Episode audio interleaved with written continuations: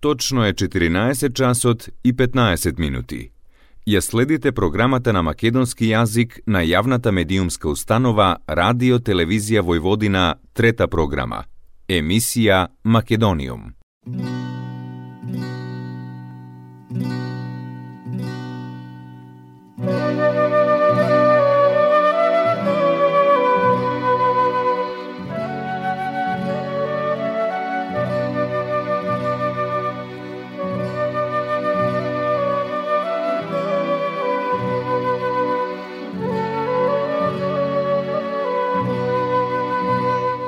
Македониум.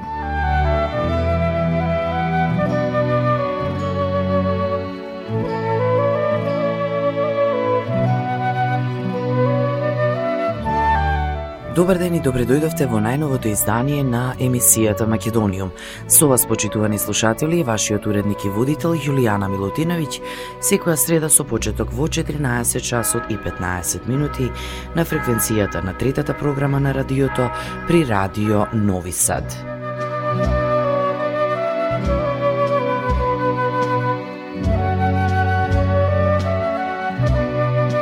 Македониум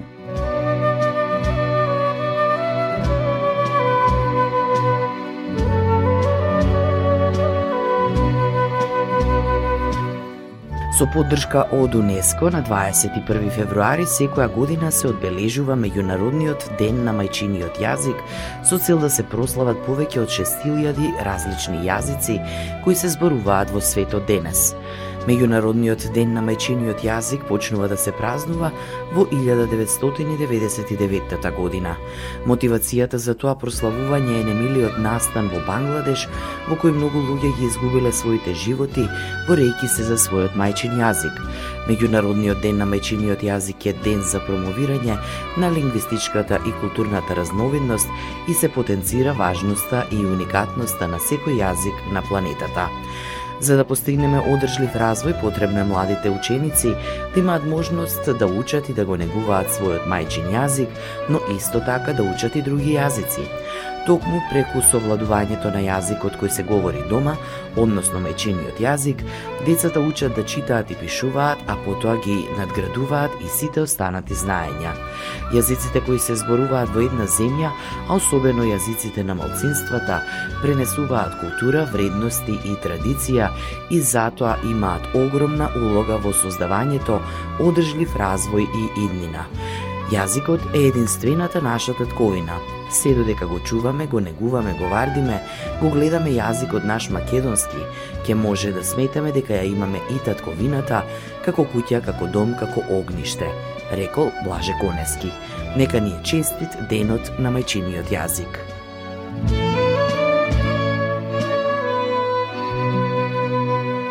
Македониум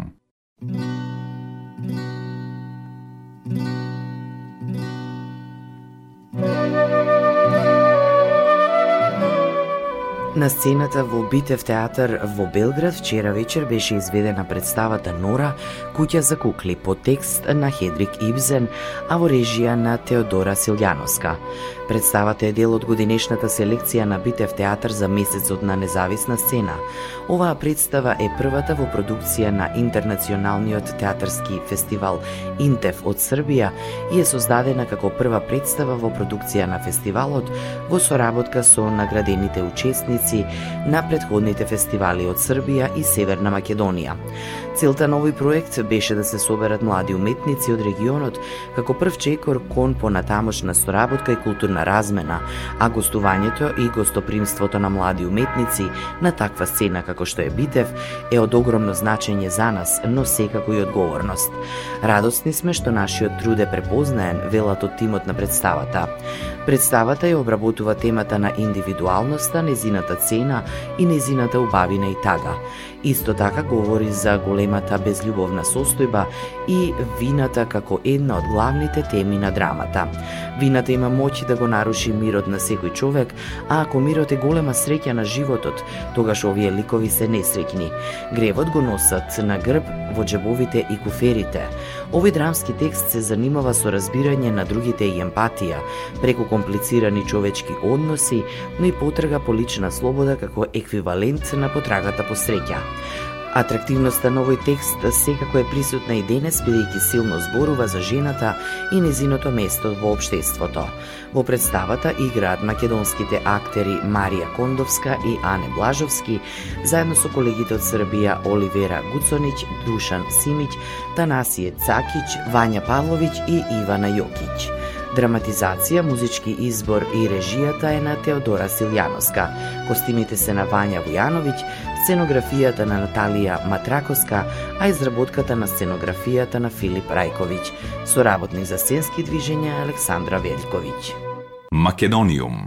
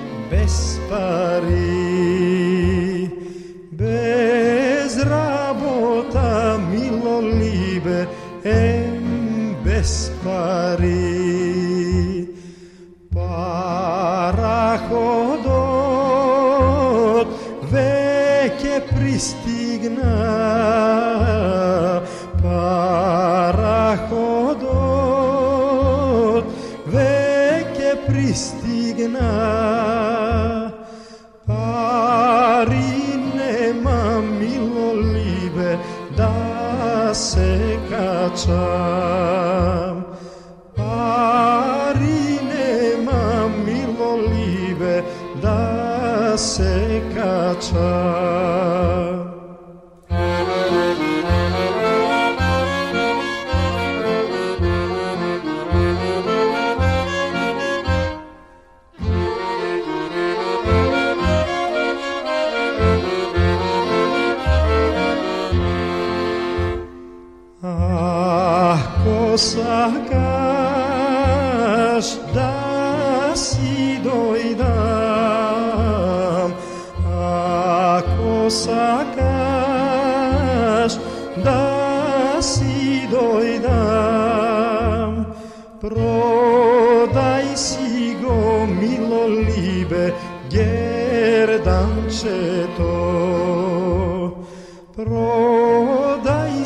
digo milo libe gerdan to Ako nesta sad gerdan to Ako nesta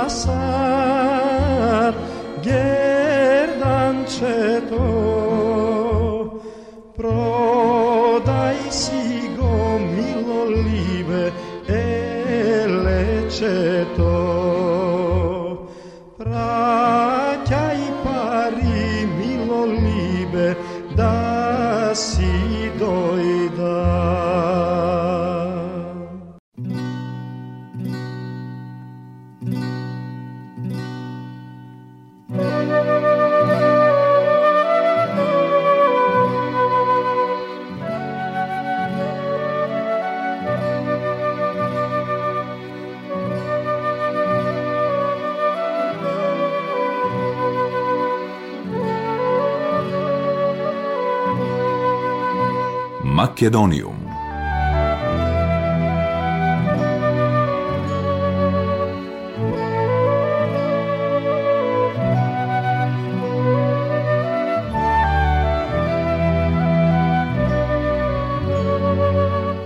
Северна Македонија во 2023 година продолжи посветено да работи на зачувување на статусот на Охридскиот регион и на исполнување на препораките од реактивните мониторинг мисии на УНЕСКО и неговите советодавни тела во 2017 и во 2020 година.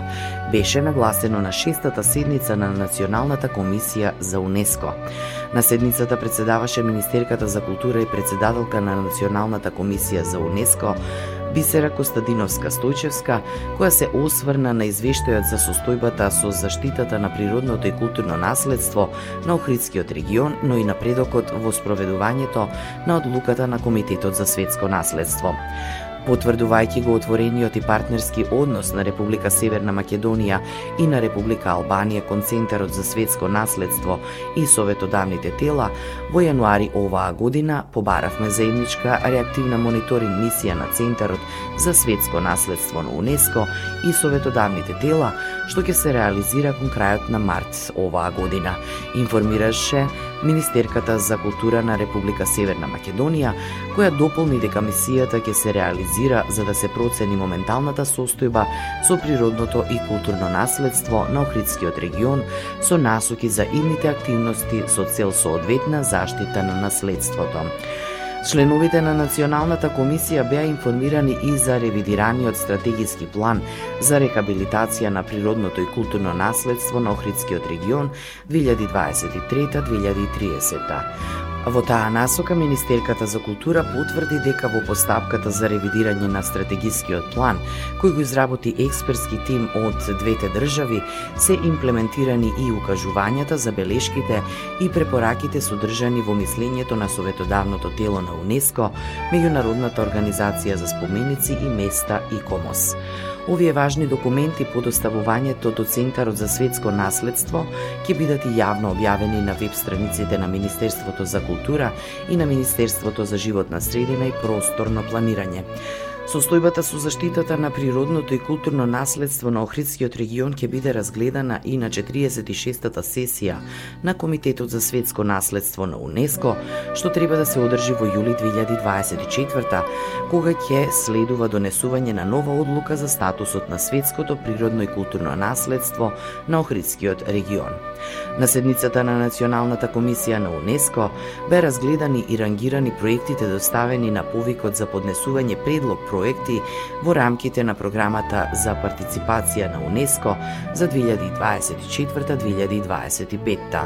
Министерката Костадиновска Стојчевска информираше дека во дадениот рок на повикот, кој беше објавен на веб страниците на Министерството за култура и на одделението за соработка со невладени организации при Генералниот секретар секретаријат на владата, пристигнале 9 предлог проекти од програмските области – образование, наука, култура и животна средина.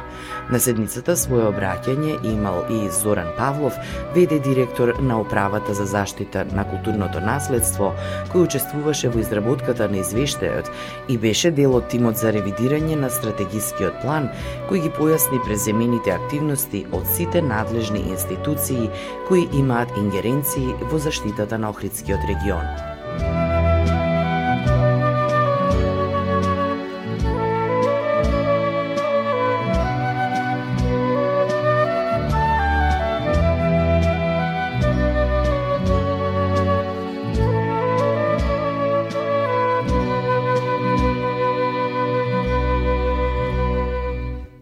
Македониум.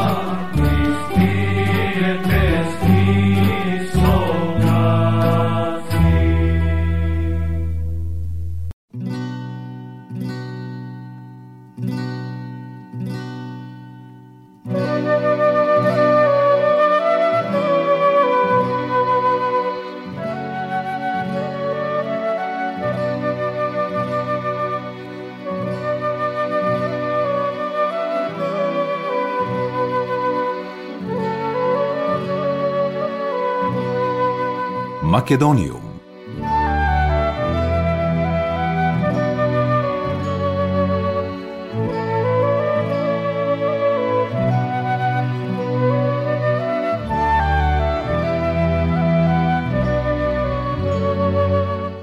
Овој четврток или утре, со почеток во 20 часот, оркестарот на Македонската филхармонија ќе одржи концерт на кој како солист ќе настапи српскиот виолончелист со интернационална кариера Драган Ѓорѓевиќ Сузуки. Концертот е насловен Хармонија, а диригент е маестро Мануел Хернандес Силва од Венецуела и Шпанија. На програмата се концертот за виолончело и дувачки оркестар од Фридрих Гулда, симфониските танци приказно од западната страна на Леонард Бенштайн и симфониската поема Американецот во Париз од Џорџ Гершвин. Оваа година Македонската филхармонија прославува 80 години од успешното постоење и ни приредува и понатаму феноменални концерти.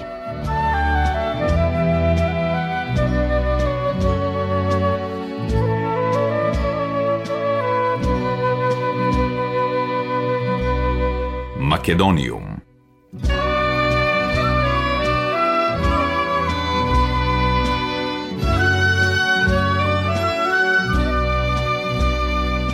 Театарот Војдан Чернодрински прославува 74 години од формирањето од денот кога завесата се кренала на 18 февруари 1950 година со изведба на представата Кирјања од Јован Стерија Поповиќ во режија на Аце Михајловски.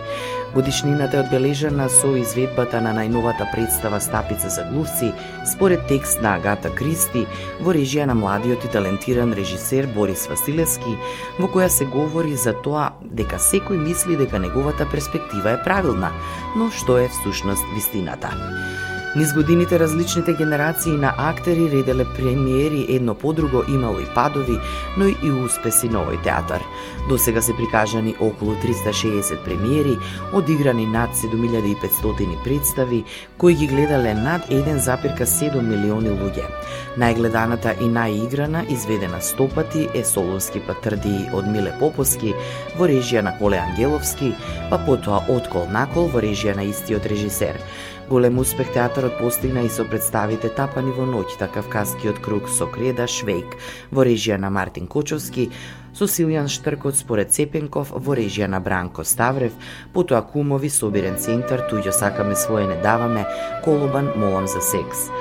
Белег од повеќе децинискиот растеж на театарот дали и представите Спиро Црне од Платнар во режија на Владимир Милчин, Колобан од Блаже Алексовски во режија на Љубиша Георгиевски, Арсени исто така на Платнар, полковникот Птица од Христо Бојчев и опера за три гроша од Брехт во режија на Владо Цветановски. Представата што привлече најголемо внимание не само од македонската, туку и балканската публика е Тапани во ноќите од Брехт во режија на Мартин Кочовски, која освои три награди на фестивалот Мес во Сараево и беше победник на 44-тото издание на фестивалот Војдан Чернодрински. Не помалку наградувана е Кавказскиот круг со Креда, која во 2011 година беше прогласена за најдобра представа на фестивалот Експонто во Лјубљана, Словенија. Театарот во Република Северна Македонија го има приматот на куќа, во која се даваат праизведби на текстови од македонски драмски автори. Од 2004 година работи во состав на Центарот за култура Марко Цепенков во Прилеп. Македониум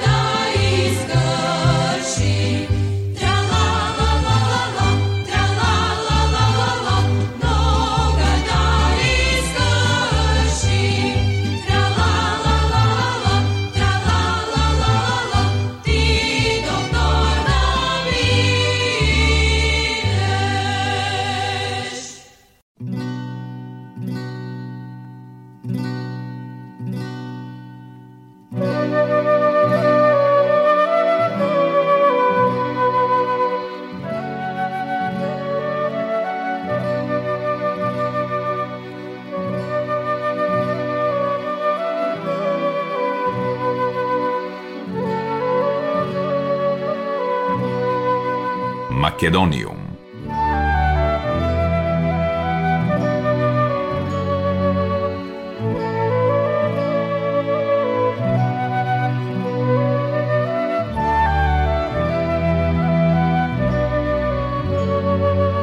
Почитувани слушатели, тоа беше се во денешното издание на емисијата Македониум. До следната среда во исто време, срдечен и голем поздрав од вашиот уредник и водител Јулијана Милутиновиќ. Ја следевте програмата на македонски јазик, емисија Македониум. Главен и одговорен уредник Воин Поповиќ.